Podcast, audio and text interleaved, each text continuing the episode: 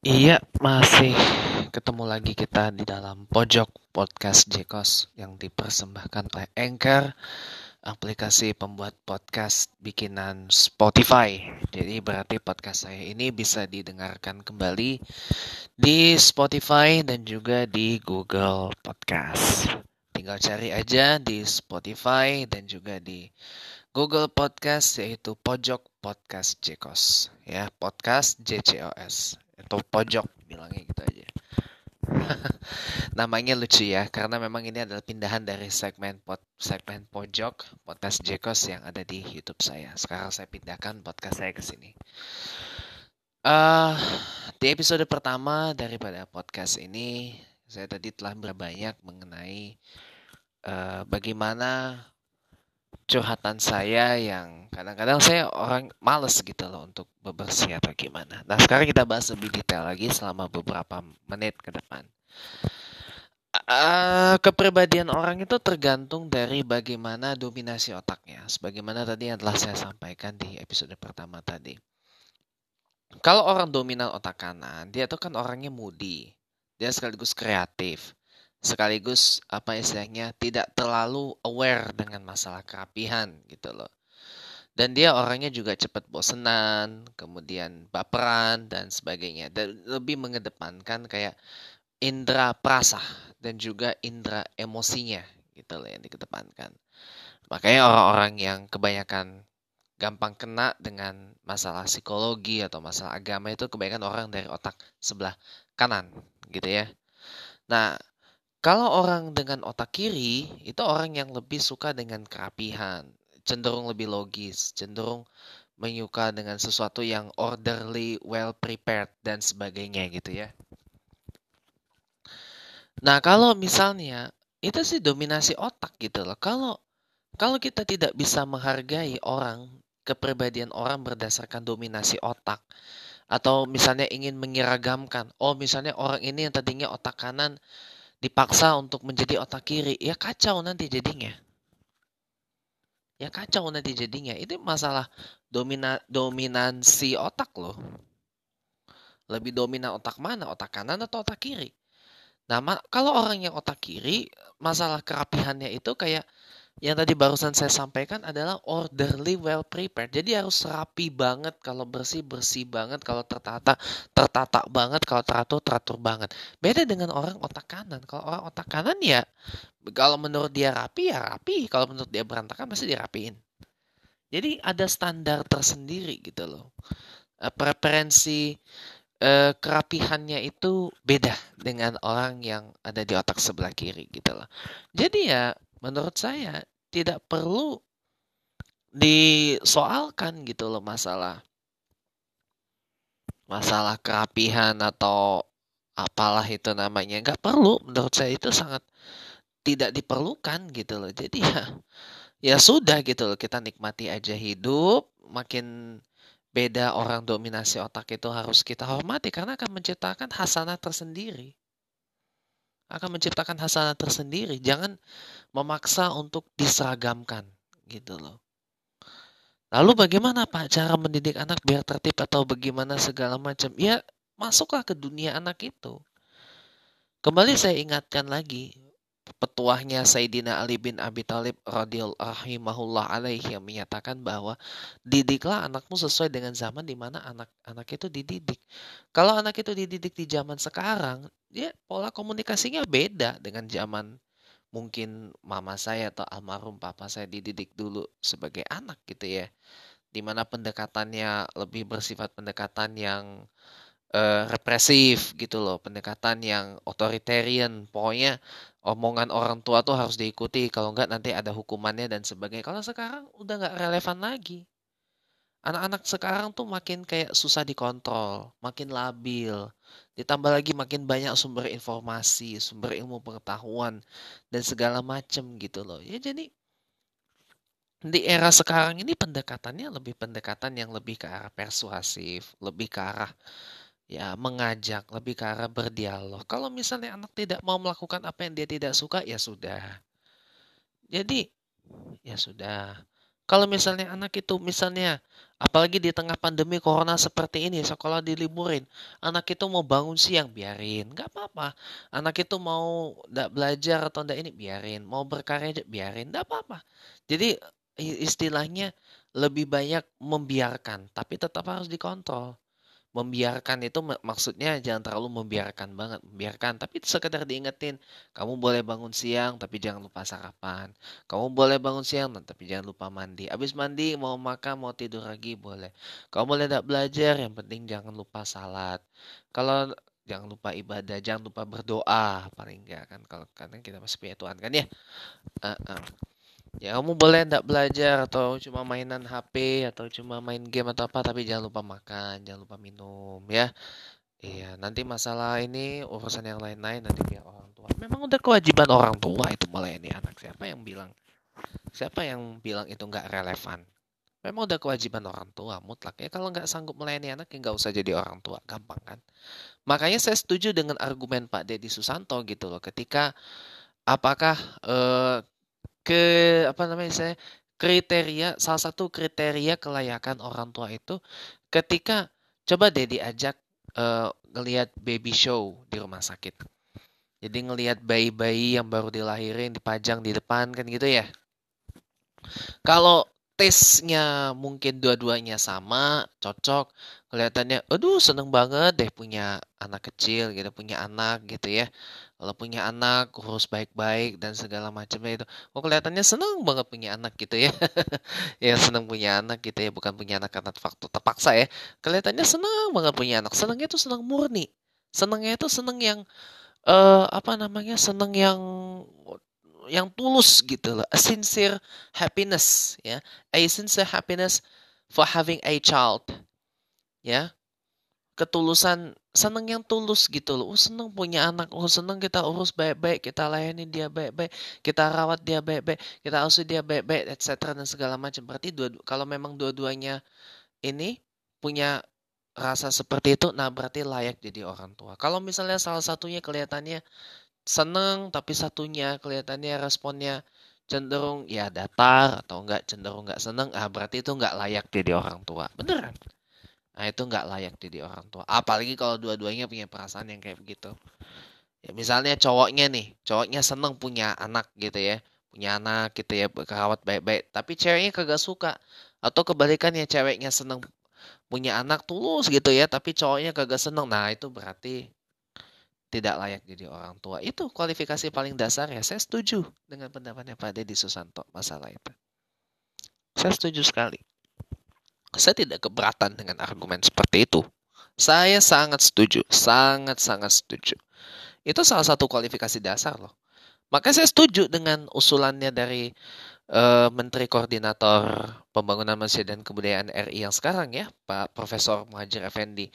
Ya sebelum nikah tuh ya ya ikutan itu khusus pranikah dulu. Ya saya setuju. Jauh sebelum Profesor Muhajir melakukan itu, saya sudah ngusulin duluan lewat YouTube saya.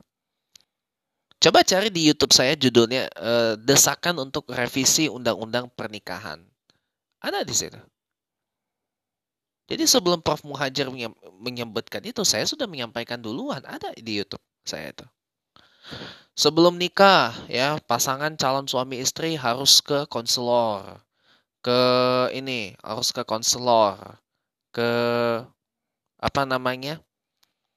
Ya ke konselor, ke psikolog gitu loh dianalisa dulu. Ah ini cocok nggak nih? Kalau misalnya nggak cocok, kasih tanda. Eh kamu nggak boleh orang ini kamu nggak boleh nikah seumur hidup. Eh, berteman boleh tapi nikah nggak boleh. Ya, karena belum layak nikah. Dikasih stempel. Oh kamu belum layak nikah. Nggak boleh nikah seumur hidup. Kalau mau nikah terapi dulu. Di dihilingkan dulu. Dihilingkan tuh maksudnya diobati dulu persoalan batinnya oleh psikolog oleh terapis gitu ya. Diselesaikan dulu masalah batinnya sampai ke akar-akarnya. Baru nanti stempel dilarang nikahnya dicabut. Mending begitu. Jadi istilahnya kayak memperketat syarat orang untuk menikah. Karena saya kasihan. Di Indonesia ini kasus perceraian tinggi kasus KDRT tinggi kasus kekerasan terhadap perempuan tinggi kasus kekerasan terhadap anak tinggi. Saya prihatin masalah itu. Lebih parah kasus kekerasan seksual tinggi. Maka saya terus meminta agar undang-undang penghentian kekerasan seksual itu segera disahkan. Karena itu penting loh untuk menyelamatkan orang yang telah membuat kita ada di sini. Siapa? Perempuan. Kita terlahir di sini tuh karena perempuan, karena rahim perempuan. Mana ada kita lahir dari rahimnya laki-laki? Kagak ada. Maka itu saya feminis. Saya ambil jalan menjadi seorang feminis. Beneran loh. Satu. Ya. Nah makanya itu saya bilang, saya setuju dengan usulan itu. Ya, sebelum nikah ke konselor dulu. Pak gimana Pak kalau ini misalnya udah nikah Pak? Ya dibatalin pernikahannya. Itu pernikahan ilegal namanya. Ya dibatalin. Pergi dulu ke konselor, ke psikolog, ke terapis. Diselesaikan dulu, dianalisa dulu. Oh ini cocok gak nih? Kalau nggak cocok udah nggak boleh nikah seumur hidup. Lalu masuk lagi ke tahap selanjutnya kalau memang udah cocok tahap pelatihan. Tahap pembimbingan dan pelatihan. Loh Pak, Loh Pak, apa yang dilatih Pak? Ya kehidupan berumah tangga. Misalnya dilatih ngurus anak, dianalisa dulu. Oh ini ngurus anaknya ini layak. Oh ngurus anaknya gini, oh berarti nggak layak. Berarti nggak usah nikah. Ya kehidupan rumah tangga dilatih dulu. Misalnya dilatih dengan situasi yang di situasi yang sulit di mana ini segala macam dilihat dulu cara nyelesain permasalahannya gimana jadi istilahnya simulasi gitu loh disimulasi dulu. Pelatihan berbasis simulator ya simulasi pernikahan. Kalau misalnya kayak gini gini gini oh berarti ini layak nikah nih. Oh, langsung. Layak nikah oke nikahkan. Tapi kalau ini oh nggak boleh nikah kamu nggak boleh. Ini berarti masih banyak ini apa nggak boleh nikah dulu seumur hidup ya berteman aja. Gitu. Mending begitu.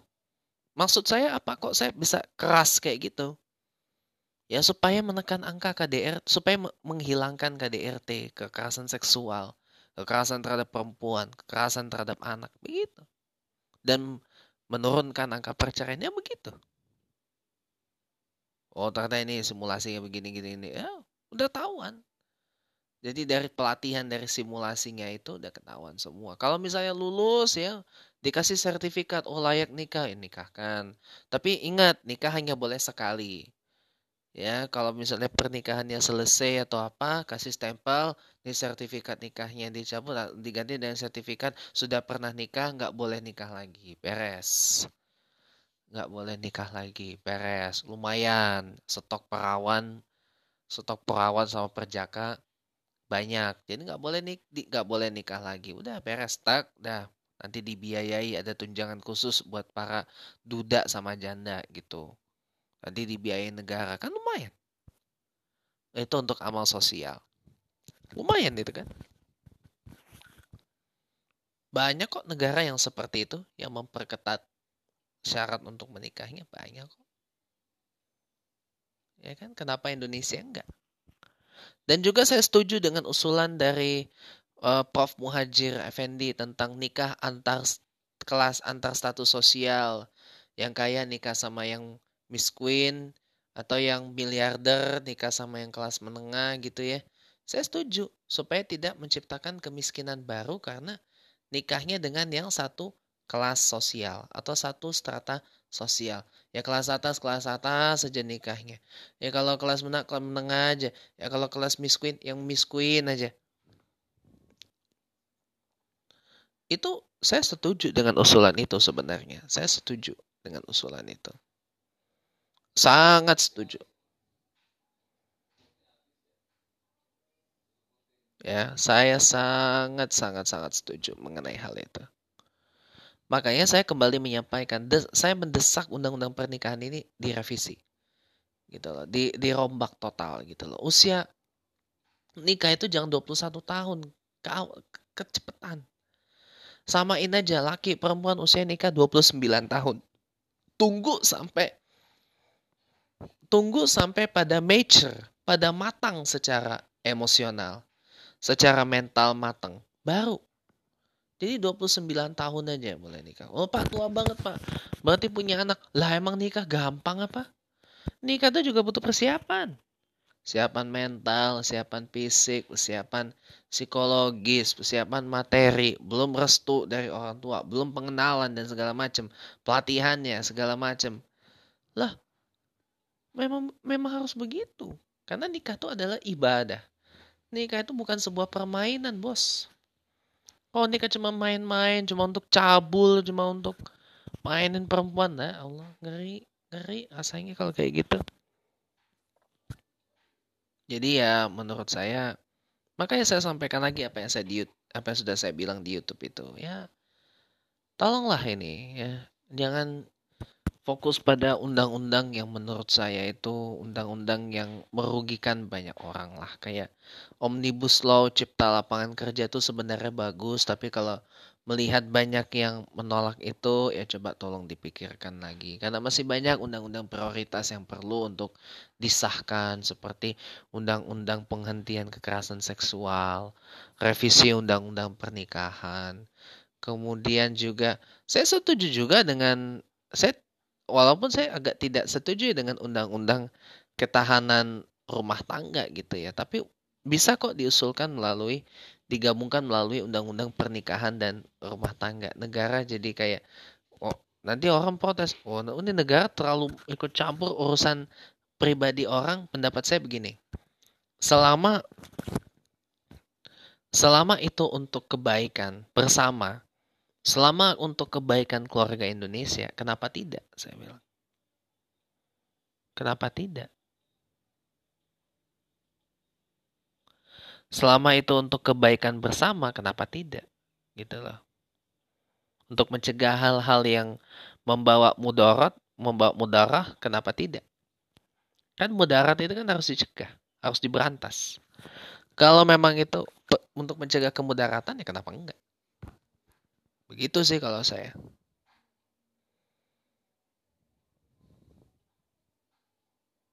Pendapat saya itu gitu. Jadi makin tahu gitu loh eh lu nggak sembarangan kayak gitu ini ada negara yang ngatur ah tapi percuma juga lah di Indonesia ini mana ada sih orang yang mau manut sama aturan negara wong komandonya Presiden Jokowi aja banyak yang nggak manut gegara gegara nggak suka nggak sukanya itu nggak suka secara politik ah ini Jokowi presiden Cina presiden PKI presiden babi ya apa terus Jokodok segala macam makanya banyak orang yang nggak nggak seneng kan dengan komandonya Pak Jokowi. Hari gini masih aja kayak gitu. Ya nggak? Hari gini masih, apalagi di tengah pandemi corona, corona kayak begini masih politik ya. Masih aja kayak begitu, masih aja nggak suka gitu loh. Bahkan kemarin ibunya Pak Jokowi meninggal, nah malah dibilang, oh ibu palsunya mening, ibu palsunya mening, ibu settingannya meninggal, terma aslinya ke mana nih? ma aslinya belum mati atau segala macam. Masya Allah. Masya Allah, Pak masih baik kayak begitu.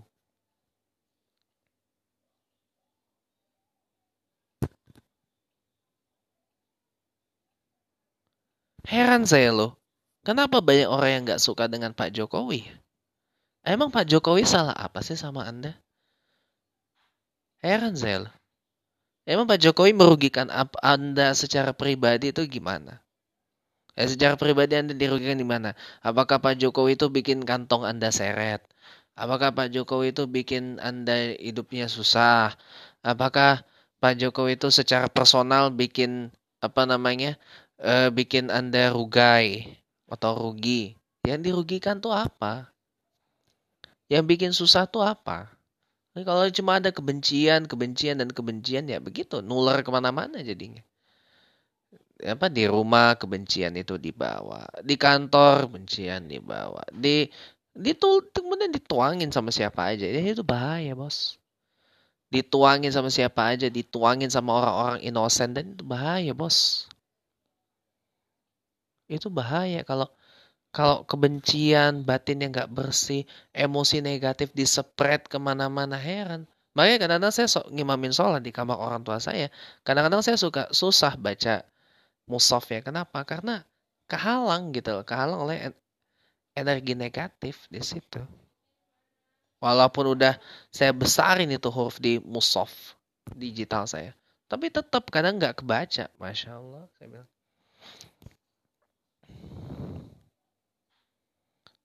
Ya, barangkali ini sedikit untuk yang bisa saya sampaikan. Mudah-mudahan bisa bermanfaat. Assalamualaikum warahmatullahi wabarakatuh.